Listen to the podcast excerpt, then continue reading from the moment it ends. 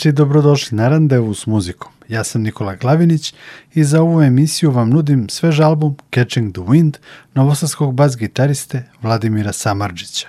Vladimir je rođen 1970. godine, završio je Berkeley u Bostonu, svirao u grupi Smak sa Vasilom Hadžimanovim, Slobodanom Trkuljom, zvezdama zabavne muzike. Vođa je i jazz grupe Panonia Project sa kojim je 2010. godine objavio album The Bridge. U posljednje vreme mogli smo da ga vidimo na pozornici sa Frajlama, a Miro Medunjanin na Beogradskom proleću. Bavi se i pedagoškim radom. Ima školu bas gitare sa svojom originalnom metodom rada. Takođe, Vladimir Samarđić je i muzički urednik u radio televiziji Vojvodine i autor džez emisija na Radio Novom Sadu. U uvodu smo čuli kompoziciju Tripping to Play brazilskog gitariste Marka Antonija da Košte, a sledi i razgovor sa Vladimirom Samarđićem, protkan muzikom sa albuma Catching the Wind. Radio Televizije Vojvodine. Prvi program radija. Radio Novi Sad. Prošlo je čak 12 godina od tvog prethodnog izdanja u kojem si ti kompozitor, Panonia Project, album Bridge. Evo sada novi album, ali ovaj put ti si tu kao solista, dakle tvoj, možemo reći, solo debi album Catching the Wind. Na prošlom albumu si imao šest kompozicija koje si napisao kao student kad si bio na Berkleyu, a evo, kaži našim slušalcima šta te inspirisalo za album Catching the Wind? Pa Catching the Wind je nastao, zapravo ideja o tom albumu je nastala u Grožnjanu 2018. godine. Moj negde prvobitni plan je bio da uradim još jedan album sa Panonijom. 90%, 95% tog materijala je zapravo spremno. Ja sam završavao još neke aranžmane tok, tokom korone, ali moje gostovanje u Grožnjanu 2018. kao mentora u letnjoj školi je bilo veoma inspirativno za mene upoznao sam neke divne ljude, divne muzičare tamo i jednostavno su se rodile nove kom kompozicije pisane za manji sastav, odnosno za ispostavilo se gitarski trio. Tako da sam ceo onda album usmerio u tom pravcu, odnosno shvatio sam da je to nešto što želim da radim. Donekle je i situacija uticala, jer mi kao Panonija Quintet nismo mogli da se okupimo tokom korone i da, i da radimo uopšte jer za taj album je bilo neophodno da mi malo ipak sviramo klubski da bi mogao da se snimi u studiju. A, ovaj proces snimanja je bio drugačiji, prvo iz prostog razloga što je trojka u pitanju, a, tri čoveka, snimali smo u Zagrebu kod Ade Marinkovića i to je takođe bilo inspirativno jako, smo odmah dobili zvuk koji želimo, ali moje poznanstvo sa Markom Antonio da Koštom, brazilskim sjajnim gitaristom koji živi u Beču, a bio je u Gružnjanu 2018. godine i sa Tanom Aleksom, hrvatsko-američkom pevačicom koju sam tamo isto upoznao, je izrodilo prvu numeru posvećena upravo Grožnjanu i ona se zove Grisijana, što je na italijanskom Grožnjanu. Nakon toga su usledile neke druge ideje i kompozicije tokom korone, ali 2019. smo mi snimili zapravo prve četiri numere gde su Marko i Dado Marinković na bubnjevima, moj dugogodišnji prijatelj i, i sjajan bubnjar, po meni je najboljih definitivno na prostoru Bišu Jugoslavije, za one koji ne znaju bubnjar parnog, parnog valjka, ali i na mnogim drugim pločama drugih i drugih umetnika. I ovaj, onda kad je stigla korona, naravno, tu je sve stalo, mi nismo uspeli da se okupimo ponovo. Na nekih predlog mojih prijatelja da radim online, ja nisam odreagao pozitivno, jer to nije moj stil i moja priča, barem ne za sada, što ne znači da neću neku ploču raditi online, tako što ću ljudima slati matrice, pa onda oni meni sviraju, pa onda ja to nasnimavam i tako, nego sam ja sačekao da se stvore uslovi da ovaj, možemo da radimo uživo i to se desilo 21. Tako da smo opet otišli u Zagreb s tim da je tada bio slobodan Nenad Gajinc, od moj dugogodišnji prijatelj, umesto Marka koji nije bio slobodan i onda smo završili faktički ploču 90% ponovo kod Ade u studiju u Zagrebu. Tako da je to trio gitarska formacija na, na 90% materijala i još dve numere sam snimio u Novom Sadu sa perkusionistom Andrejom Krstićem za solo bas i perkusiju. Kažeš, u suštini formacija gitarskog trija, da. a evo zanimljivo je da si ti ovde napisao u knjižici da si numere pisao većinom na gitari. Jeste, jeste. Pa ja sam počeo se baviti muzikom tako što sam svirao gitaru u srednjoj školi, odnosno čak u osnovnoj školi sam negde počeo, pa ekskurzije, druženja, zezanja, skidanje, čorbe, EKV i tako dalje. I negde sve to bio moj hobi, nisam ja mislio da se baviti muzikom uopšte, nego gitara da će mi biti, eto, tako neki drugar tokom mog života, ali su se stvari onda promenile i kada sam shvatio da ozbiljno želim da se bavim muzikom, gitara i dalje bila tu kao neko sredstvo koje mi povremeno pomaže da ja čujem harmoniju malo bolje. I a, kada sam a, upoznao Marka i shvatio da ću da radim solo album, a, onda sam definitivno uh, se poslužio gitarom kao sredstvom za komponovanje i dobijanje pune harmonske slike u nekim numerama klavir uopšte nisam koristio, zaista kad je u pitanju ovaj, ovaj album, već je to bila gitara i bas gitara. Neke stvari sam komponovao, počeo da pišem na bas gitari pa sam ih razrađivao na gitari, harmonski i tako. Uglavnom to je bila saradnja između gitare i bas gitare i uh, da, jesu, recimo balada Blue Song je totalno nastala na ovoj gitari i, i u, uopšte uzevši gitara je ovde meni bila uh, eto, ponovo neka stara ljubav, ponovo aktivna ovako.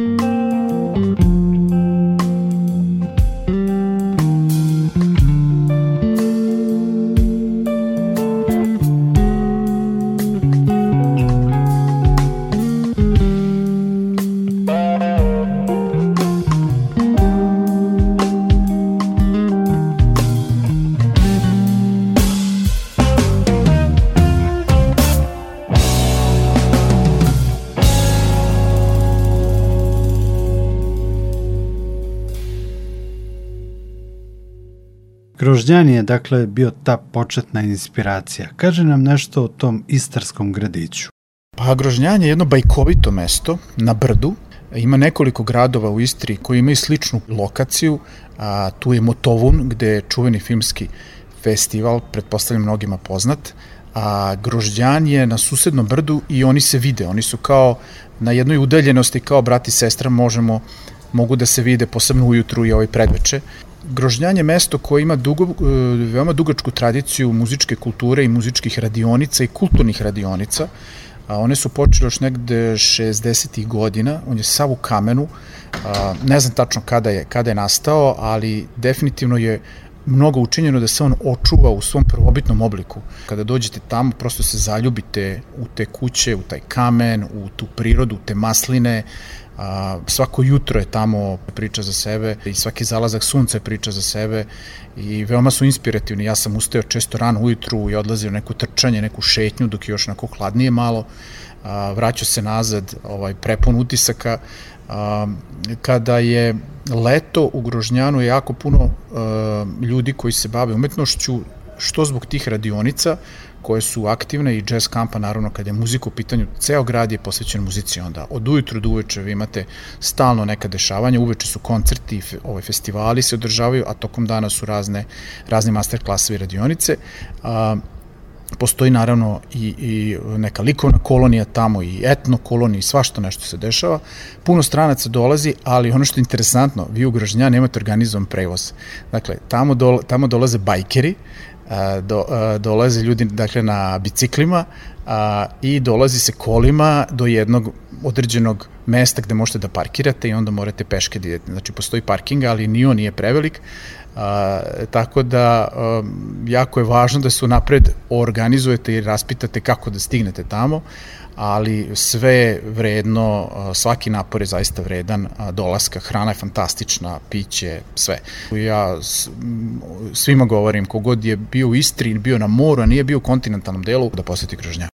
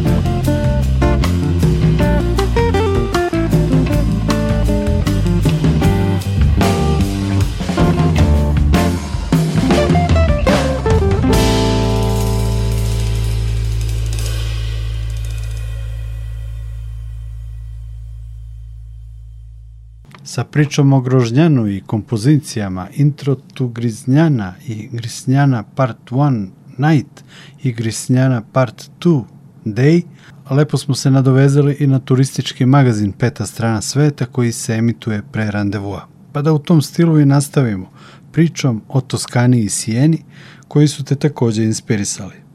Jeste. Pa ja sam bio 2019. godine na proputovanju Toskanom a, i Sijena je jedan od gradova, možda grad koji najviše uticao a, na ovaj album, čak više od Firence, jer o Firenci sam dosta čitao i čuo od drugih ljudi i gledao na televiziji, a o Sijeni sam znao malo. Tako da me ona baš onako oduvala kada sam bio i dva puta smo išli u Sijenu, ja, ja i supruga, i bilo je fantastično. Svima preporučujem da se Toskana obilazi kolima, a ne organizovanim prevozima, jer onda zaista imate vremena da uživate i da stanete i da probate razna vina, da odete do raznih ova, vinarija, da svratite u neka mesta za koja uopšte možda niste ni čuli. Um, to je bilo zaista inspirativno, jako putovanje, ja sam čak i nosio bas gitaru jednu malu tokom tog puta koje je trajalo oko 10 dana i um, nakon tog puta su se neke melodije desile i, i, i neke kompozicije napisale.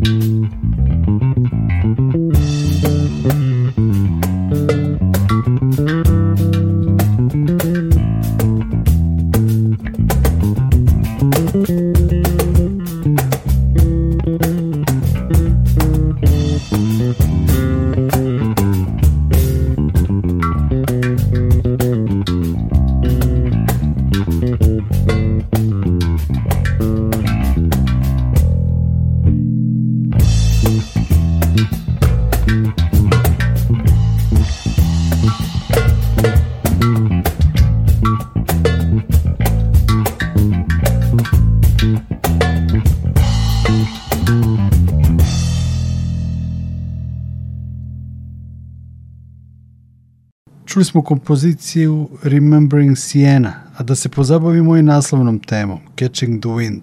Kako uhvatiti vetar?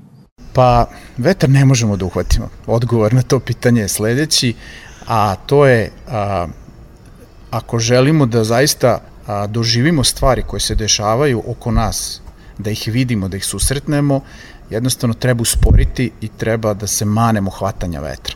A, dakle, naziv a, priča o tome da a, mnogi ljudi, posebno u 21. veku, a tu povremeno i sebe ubrajam, zaboravim šta propuštam jureći stalno za nečim a, za vremenom, za novcem, a, stalno smo u nekoj frci da nećemo nešto stići, a, da ako nešto ne uradim neću onda moći to ili neću moći to, a zapravo treba usporiti i treba se osvrnuti i a, tek tada kada se centriramo i shvatimo šta nam se dešava u tom trenutku u kom živimo, mi zapravo možemo da doživimo razne neke stvari i da vidimo i da sretnemo neke ljude i da shvatimo koliko toga propuštamo a, zato što a, jurimo mnogo, jednostavno smo u, u, u, u nekom neprekidnom a, traganju za nečim, odnosno kako sam ja to rekao, jurenje vetra, odnosno tr, u trci sa vetrom koga nikad ne možemo stići.